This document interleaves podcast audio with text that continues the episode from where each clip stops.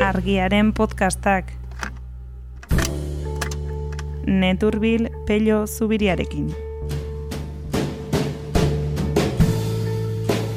Nolabait, greba honek irabazi diola ez bakarri gobernuari, baizik irabazi diela e, edabidei. E, noski, ba, gobernua gor baldin badago, e, edabideak ez diela egon bigunago. Eta haiek egin duten e, e, azpilan guztiaren gaina, e, guztiari aurre egin behar izan dutela. Presioa hori da. Eh.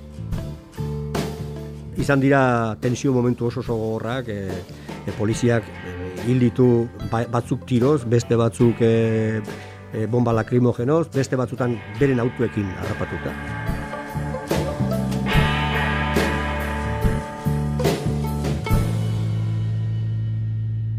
Kaixo, pello, Kaixo eneritz eta kaixo horre entzuten ari dan lagun hori. hori da, e, aspaldiko, aspaldi... Bai, bueno, aspaldiko zu. Bai, bueno, entzulei nik uste azalpentxoren bat eman beharrean. Ah, nahi esango baduzu, zuten, eneri berdin zait. e, hilabete hauek podcastak egiteare utzi egin dira aspertu edo Bai. COVID kontua tarteko hemen ibili gara. Bai, bai. E, ni naiz egon hemen, da bakarrik ezin grabatuzuk. Claro, Bate galderak egin egin behar, eta, bueno, hori da. esan hemen garela... Beraz, osasuntzuena zarra zegon. Bai, ikusten Toma, ematen toma. duenez, ematen duenez, bai. Bueno, Bueno, hemen gara, bueltan, berriz ere indartxu, gogotxu ekiteko, e, argiaren podcastei, bi astean behin pelio zubirarekin, bi astean behin jenofa beroko irigoinekin, eta gaur gainera albiste on batekin zatoz, ez? Bai. Albiste ona, edo bueno, e, Bai, bai. posi- positiboan gatoz. bai, es- esan izun, saiatuko naizela neturbil hauek egiten alik eta positiboena, e, nahiko, nahiko desgrazia iragarri dugulako gure urte hauetan zehar.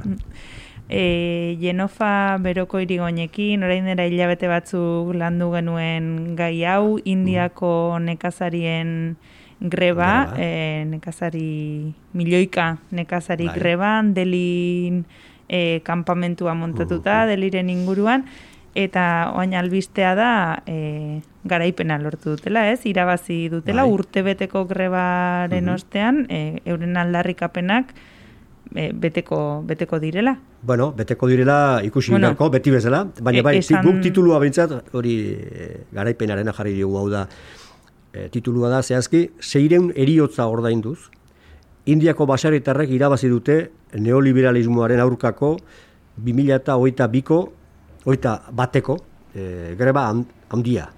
E, behar bada esan beharko nuke, e, 2008 bateko grebarik handiena. Eta, bueno, eh, horazten dugu eh, Indiako lehen ministroak Narendra Modik azaroaren eh, emeretzian eh, eh, Twitterrez zabaldu zuen mezuarekin, ez? Esaten zuen, eh, ba, gaur zuei herrialde oso, osoari esatera etorri naiz, hiru nekazaritza legeak kentzea erabaki dugula. Hilabete honetan hasiko ditugu tramiteak, eh, parlamentuak aurrera erama atera dezan. Eta bukaeran esaten die, orain, esaten die baserritarri, itzuli zuen etxetara. Eta, Eta eman pakea. eta hori da, al, al balitz. Beraz, e, hiru legeak eta hori, e, behintzat aurreko podcasta e, entzun zutenei, entzun, zuenari, e, Genofak esplikatu bai zuen hori bere ar- artikuluan e, otsailean, ba, hor, horra aipatzen zuen, ez? E, hiru lege nolabait e, liberalizatzeko Indiako baserri, baserriko kate guztia, bai, bai lurraren jabegoa, bai e, presioak, bai e, salerosketeko e, merkatu guztia, e, dena liberalizatzeko hiru lege. Eta, bueno, urte eta gehiago eraman dute, bueno, urte bete eraman dute greban, eta horrela bukatu da. Mm. E, urte bete greban, esan duzu e, irabazi bai, baina bueno, merke-merke atera zaienik ez dugu esango, ez? Seireun Bai. hildako, Bai. e, urte bete gogorra izango zen, errepresio handia... Bai, e, bai. E, errepresio handia e, alde askotatik. Bueno, detaile bat esateko, e, pentsa zeurrun iritsi hasian e, gauzak, Antza denez, mobilizatutako, aparte greban milioika ari ziela, aparte, mobilizazioetan sendoen zabiltzan e, basaretarrak zean e, Uttar Pradesh eta Punjab aldekoak. Eta Punjaben e, nik ez nekin, baina horrein jakin dut, e, sig, e, sineste edo erlijiokoa da poblazioaren erdia baino gehiago. Eta hori aprobetsatuz, e, aginteak beti egiten dituen diversio maniobroitako batean, e, modi, e, lehen ministroa, saiatu zen desprestigiatzen e, baserritarrak eta beren liderrak eta esanez, e, ez bakarrik ziala edo komunistak edo antiabertzarea, baizik eta gainera ziala kalistandarrak. Hau da, nolabait, Punjab e, independiza, independizatu eta han e, zigen, e, zigtarren, e, erregime bat ezarri nahi zutenak. Independentistak. Hori da. Hain urrutiara eramantzun, e, hori oso, bueno, e, manipulazio oso arriskutsu da lakoetan, mm. ze horrek e, erakarri ditzake, ez bakarrik poliziaren errepresioa, baizik eta jende askoren e, erreakzio geiztuak ere. Mm. Eta, bueno, nabarmena da, eta hori aipatzen dute kronika batzuek nola, mezu hori, e, hau da, ja atzera ematen zuela mezua, aurtengo e, azarren emeretzikoa, e, eman zuela, hain zuzen ere, guru nanak izeneko e, santu zik baten egunean. Nolabait, Egun seinalatu bai, bai batean. Bai, ze, claro, urte betean, urte bete denentzat pasatu da, baserritarrentzako oso gor, e, modirentzako bigunago, baina modi ere hurbildu da e, urrengo hauteskundetara. Eta ez luke Punjab galdu nahi, eta Punjab bezala zijak indarra daukaten lekuak. Orduan, bueno, hori da pixka bat baitare detalle txiki bat, e, gauzak nola evoluzionatu duen ikusteko, ez? Haiek estigmatizatu ondoren, e, orain haiei zurikeri egiteko beren santuaren egunean egiten du atzera lehen ministroak. Bai, nolabait modiren partetik ere e, estrategia ba dela e, men ba, egitea ba, eskaera hauei, edo bueno, politik, matea Politikoen artean e, dena da estrategia. Bai. Ia beti. Eta gero esaten du hemen ere, orain hitz eman duela, baina nekazariek esan dute ez direla e, bertatik bai. mugituko. Bai. Nik hori benetan... adibidez ez dut, ez dut lortu e, zehaztasun gehiago ea nola dagoen momentu enten. Lehen reakzio bentsatzen e, liderren esateko, orain ez dugu altxatuko e, setioa, baina ez da, ez da albisterik iritsi e, setioa segitzen dunik. Beraz, pentsatu behar da, hori, bentsat fase hori bukatutzat eman, eman dela. Zuk aipatzen zenuen hildakoak, hmm. bai. E, batzuen kalkulotan dira seireun, eta beste batzuenean zazpirun da berroita mar. bai. Bai, eta bueno, hori ere ez, ez da propaganda bat. E, aipatzen dugu Wikipedian bertan e, dago eta gainera ondo dokumentatuta ez zita eta guzti e, nola, osea, e, bai zenbat diren edo betzat kopuru handi horiek diela mm. eta bestaldetik e, zehaztasun asko kopuru horietan hil diren personetaz. Hmm. Ze hor bada jendea hildena, bueno, nik jarri dut gozez behar bada esan nahi nuen, esan nahi behar nuen eh nola bait e, elikadura falta falta no sé bai desnutrizioz eta ze urte beteko greba eh oinezko ibile luze batekin. Pentsatu behar dugu kokatu behar dugu deli hiriburuaren inguruan egin dituztela kanpamentuak baina heldu inbertzen. hori da nekazari hauek oinez eta traktoretan. Hori da. Eta orduan tartean izan dira istripuak ere traktorea garrapaturik eta bar izan dira tensio momentu oso gogorrak, e, e, poliziak hil ditu ba, batzuk tiroz, beste batzuk e, e, bomba lakrimogenoz, beste batzutan beren autuekin harrapatuta. E, izan dira ere, e, eta dena ezin baizen bildu, baina provintzia horietako batean, e, bertako agintariaren semea, e, ez dakit nundik zetorrela, bere karabanarekin, e, e, sartu zen e, abiada betean eta dozena bat garbitu zuen eta gero bere sekitoko sei hiltzituzten e, basarritarrek. Mm. Hoik izango ja e, agintearen aldeko hildako bakarretakoak, mm. deren aserrean, ze sartu ziren e, karabanakin e, txikitzera. Orduan, izan dira oso oso gogorra izan da geri, e, hori hotzez hildirenak, gaixotuta hildirenak, ze adin guztietako basarritarrak e, e, parte hartu dute. Familiak. Bai, bai, familia osoak, ere, eta argazkitan ikusten dira normalean gizonak ikusten dira gehiago. E, baina emakumeak ere parte hartu dute eta azten azten baldin bazera e, interneten emakume baserritarren e, argazkien bila, beraz parte hartzen zutena mobilizazioetan, guk arkitu dugu bat, bueno, jarri dugumen bat mordoska bat bilatu ditugu, eh, baina emakumeak asko hartu dute parte baita ere e, borroka hortan. Eta gero, e, kase guztitako sindikatu, alderdi ezkertiar eta historik. Ez dakit kopurua esan dugu, baina e, Jenofaren artikuluan mm. berreunda berrogeita mar e, milioi e, bai, ba, nekazari e, hartu dutela parte greban, baina gero mobilizazio hontan bertan, hau da, setioan, mm. el, New Delhiko setioan, e, berreunda berrogeita mar miliatik gora zeuden. E, ala ere urte bete hortan, e, baitari izan dira asko suizidatu dienak.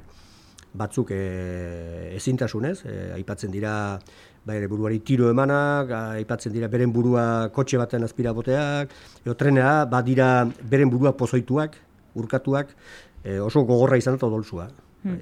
Eta testigantzak ere biltzen dituzu e, artikuluan ez, badaude bai. e, idatzita suizidatu den jendeak idatzita utzi dituen. Bai, bai ze batez ere bi e, oso, oso deigarriak e, dia ez, hemen e, bat... E, e, bai. pare bat aipatzen dugu, baina e, bat ezin zuena soportatu ja ikustea bere bere familia eta bere umeak eta atera ezinik. Bai, eta, eta bere buruari tiro eman zion. Baina beste hau, e, hau gainera, zen apesa, apaisa. Hmm. Baba, baba Ram Singh. Eta hau, ba, ba, eraman ezinik e, zeon, eta azkenean amarroriko idatzi bat utzita. Amarroriko idatzi hori poliziak arkitu zuen, poliziak egin du publiko. Poliziak egin du ba, publiko. Bai, bai, bai. Eta beraz, gero hori irakurri egin zuten e, bere hileta edo despedidan. Eh? Eta hori, ba, apaiz horrek, iruro gita maboz durteko apaiz horrek, eta e, bilatu ez gero interneten e, izen hori jarri ezkeoz. E, ana agertzen da, nor zen, gizon hori, gizon venerable bat. Eta berak, berak esaten du, amar horri aldi horien artean, esaten du tartean, fusilen balek, soilik hiltzen dituzte, haiek jotakoak. Baina injustizi batek, jende asko hiltzen dituzte, hiltzen dit, injustiziaren balek, barkatu, jende asko hiltzen dituzte kolpe bakoitzeko. Humilagarria da justiziarik eza sufritzea. Eta orduan, komunetako, e, komun batean, bere burua zintzilik zuen. Hmm. Apez, mm. irudita urteko batek, orduan. Izan dira, ba, bai, bueno, e, oso o, epika handiko borroka hemen aipatzen baita batzuan epika berria berdu, epika tamales ez, ez da egiten kafe bat hartuz, da e, dokumentu bat idatziz, epika da... Kalean egiten da. Bai, eta da, da, da gauza bat, ba, munduan gertatzen dena batzuetan, eta hemen hainbeste milaka jende lege batzuen e, kontra mobilizatuta, ba, gertatu dira guzti horiek. Azkenean, segireun, zazpireun persona hil, eta mm. E, modik e, amore eman behar izan dula, neurri batean bederen. Hmm. Eta urtebete guzti honetan, hemengo edabidetan, hemen ze, ez, bon, ni behintzat ez dut hau... Ba, zerbait, ikus, zerbait ikusi da, baina hemen, bueno, hori ja sartzen gara beste terreno batean, ni behintzat kazetari zahar bezala dokaten sentsazioa da, e, momentu honetan inform, edabide nagusietako informazioa da, gaizki esan da, putetxe bat. Hau da, bueno, eta Euskal Telebistarena garbi esateko, da lotxagarria. Hau da, azten zea erakusten ugolde baune, ugolde baldin bada fenomeno, horrekin ja ordu bete betetzen dugu. Baina, e, da, egiten ditugu pupurriak, eta nolaz eta gure helburu nagusia den dirudienez, edo irakurleak eta batez ere ikusleak eta minutuak e, jendeak konexio minutuak pilatzea, e, nolabait, laikak modu difentetan, esan da. Hmm. Ba, Orduan, e, espektakulua funtzionatzen du, baina espektakuluaren atzean ez dago e, azalpen bat realitatearena. E, daude, albiste asko, baina ez dago informaziorik. Eta orduan, bai, hemengo irudiak ere pasatuko ziren, seguruena, e, orain dela urte bete, e, barrikadetan kiston saltza zehonean e, deli inguruan. Baina gero pasatzen da, askoz maila xumeagoan begiratuta, e, gaur ikusi dut, gaur, e, grabatzen dugun hontan, osteguna da, goiza. Ikusi dut, La Palmako subendia ja e, itzaltzen bezala ari dela. Ez da, leku txiki bat zeukan, e, egunkarian. Baina irudiak deigarria zirenean, eta batez ere gu oitu ez ginelako artean, irudiei denak deigarria ziren momentuan, orduak eta orduak eman ditugu, mm. eta jakin dugu, ia tsunami bat sortu zela Amerikare izorratu bertzuna, eta la de dios. Bueno, pues hau da. Indiako hau, 2000 eta hogeita bateko greba haundiena, pues hola, hola pasatu da. Eta bi horri emango bagenizkio ere, nola, hainbeste eman berdizkiogun mila tonteriari, osea, nik poema liburu bat idazten baldin badute, emango diate bi horri, eta zuk kanta bat iten baldin baduzu, emango izute beste bi. Ordan, hola da, hola da mundua. Hmm. Eta edabide tazari garela zuk ere ekarri dituzu hemen e, kazetari baten e, indiakoa, bertakoa pentsatzen bai, dut izango dela bai. kazetari hau, ez? Berak greba honen bai, inguruan e, idatzi edo egin duen bai, e, analizia? Nik e, honen referentzia e, Frantziako aldizkari, bueno, egune eskertiar batean, itzuli zutelako arkitu, horren begira, bazpare bintzat, holakotan nahi duzu, irakurreari bintzat zerbitzu hori eman, da, fiatzeko alda tipo hau edo, esaten dituna gauzak. Bueno, idazten duna, de hecho, da, periodista txukun baten, on baten e, kronika idazten du. Eta tipua ikusten da, e, dala, liburu bat dauka gainera, e, indiako basearitar pobre ez, eta hortaz e, ikuspegi periodistiko soziologiko batetik e, eginda. Eta honek aipatzen dut, hori irutu zait azpimarragarria. Norbait, greba honek, irabazi diola ez bakarri gobernuari, baizik irabazi diela e, edabidei. Mm. Eta berak artikulu luze batean hemen esaldi txiki batzu jarri ditugu, baina artikulu hortan e, aipatzen ditu eta zehazten ditu nola dagoen kontrolatuta e, Indiako ze, e, eremu informatiboa. Mediatikoa. Eta orduan, e, noski, ba, gobernua gor baldin badago, e, edabideak ez diela egon bigunago. Eta orduan, haiek egin duten e, e, azpilan guztiaren gaina, e, guztiari aurre egin behar izan dutela mm. presioa hori da. Eh? Baina oso zaila jartzen dizute. Eta, bueno, pues, e, alde hortatik oso interesantea da, honek, e, honek izena du palagumi zainat, mm. eta hori, bueno, e, loturak hor, hor, daude jarrita interneten, beraz arkituko ditu irakar, e, irakurlea. Baina merezi du artikuluak e, begiratzea, ematen duelako, Indian gertatu den honen olako panorama neko bai, berak dio e, e, irabazi dietela edabide hauei, baina edabide hauek e, ez dutela itortuko garaipena ere, ez? Bai. E, orain ere ez dutela esango beno, ba, e, nekazariek lortu dute o eskutatu egingo dutela ba, bai, bai. nola bait e, egin den borroka.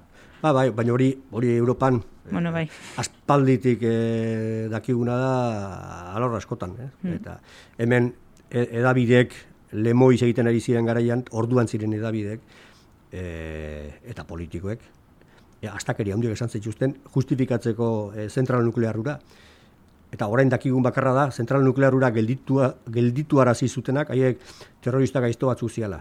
Baina inork, beste, beste aldetik, ez du esan, ba, gu okerge den, bilbotik amasi kilometrora etzan jarri behar e, zentral nuklear bat hori ez du esan, ez Karlas Garaiko etxeak, ez Euskal, Euskal Alderdi Jeltzaleak, are gutxiago Iberdrolak, ze Iberdrolakoa dira EAEko politika energetikoaren e, buruetako bat, orain ere, orduan, bueno, India eta gu ez gaude, uno por otro ez gaude hain aparte. Bai, denak funtzionamentu antzekoa dela bai, denean, ez? Bai, bai, dirua, diru asko daukate, e, zulo handi egin dute masaren da ben artean, eta hmm. nahi duten bezala egintzen dute. Eta kazetari honek dion beste kontua da, garaipena bai, garaipen historikoa bai, ospatu bai, baina e, ez, nola bain nekazari gargi dutela, ez dela hemen bukatzen, ez? Pentsatzen dut, hiru lege hauek aldatuta ere, e, indian nekazari geldituko zaien panorama e, nahiko kaskarra izango dela. Ez haiek hartzen dira, nik eta gu hartzen garen, baina azpian daudenak hartzen dira, e, Eh, neoliberalismoaren fase hau e, tsunami bat bezala idala e, pasatzen eta hemengo kasua etorrita bezala. Hau da ikusten baldin mazu azkeneko legea tapia legea deitzen dutena baino inigo urkullu legea dena benetan e, edo edo PNV PSE erregimenaren legea. Hau da duzu, ja e, hain dijoaz urruti e, kapitala handiak dauzkan planak ze edo zein gauza oztopo txikienare eh, aurrean jarri dizaiekena e, zanpatzen dutela. Osa, ez dute nahi erantzunik eta txikirik ere.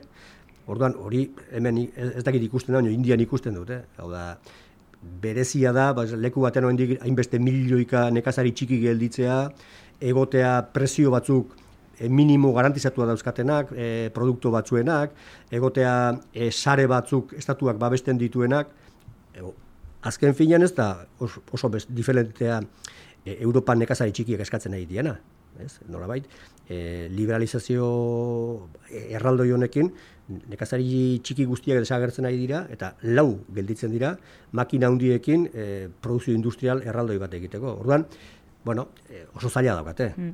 Baina zaila daukate, baina han ez bali bada beste nunbait lertuko da, ze ikusten da e, sistema honek petatu behar duela. Mm. Eta zaila daukate nekazari bezala, edo ja e, zapaldu izate utxetik, baina ematen duenez, e, bueno, leku denetan bezala, indian arez zailago, e, horren aurrean protestan ateratzen bazara ez, eta ez greba honekin mm. bakarrik ez, errepresioa, e, izan nekazari, izan herritar izar sindikatu, e, modiren gobernuak... E, darabilen errepresioa izugarria ba, ba. dela.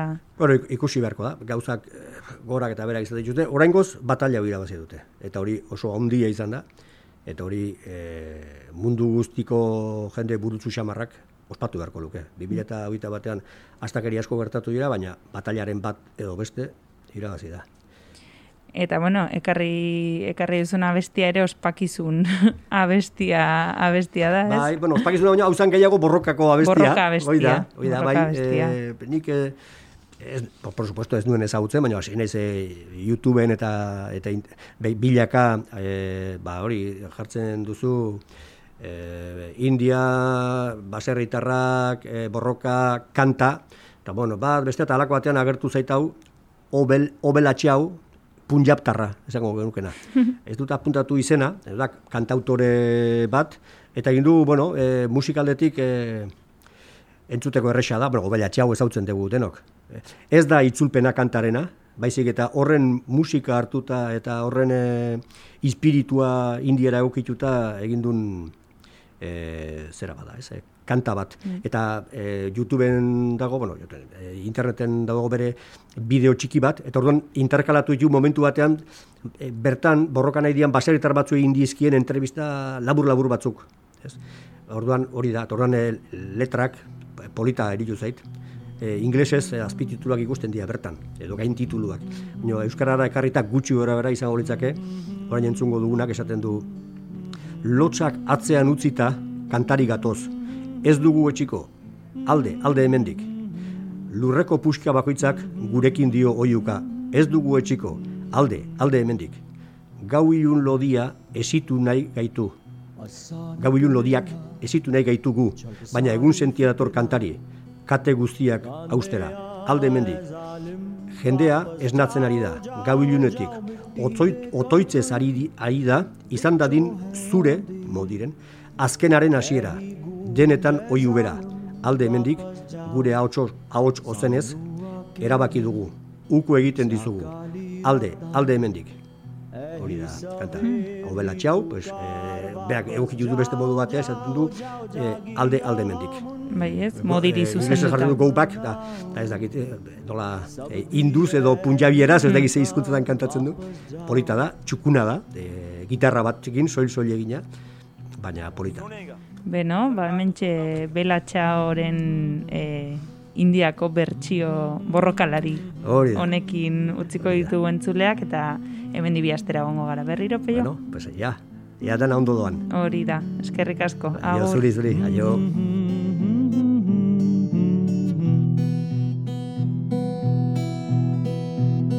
Bulanda baza, kardielana, ਅਸੀਂ ਠੁਕਰਾਂ ਦੇ ਤੁਹਾਨੂੰ ਵਾਪਸ ਜਾਓ ਜਾਓ ਜਾਓ ਤੁਹਾਡੇ ਇਨ ਕਾਲੇ ਕਾਤਲ ਕਾਨੂੰਨਾ दाए को ही जवाब वापस जाओ जो किसान इधर है उनसे आकर मिलिए उनसे पूछे कि उनको कितनी मुश्किल आती है वो कैसे सोते हैं कैसे खाना बनाते हैं असा निकले आ छड़ सारी फिक्रा ਗਾਂਦੇ ਆਏ ਜ਼ਾਲਮ, ਵਾਪਸ ਜਾਓ ਜਾਓ ਜਾਓ ਮਿੱਟੀ ਦੇ ਕਣ ਕਣ ਵਿੱਚੋਂ ਹੈ ਆਉਂਦੀ ਐਹੀ ਗੂੰਜ ਐ ਜ਼ਾਲਮ, ਵਾਪਸ ਜਾਓ।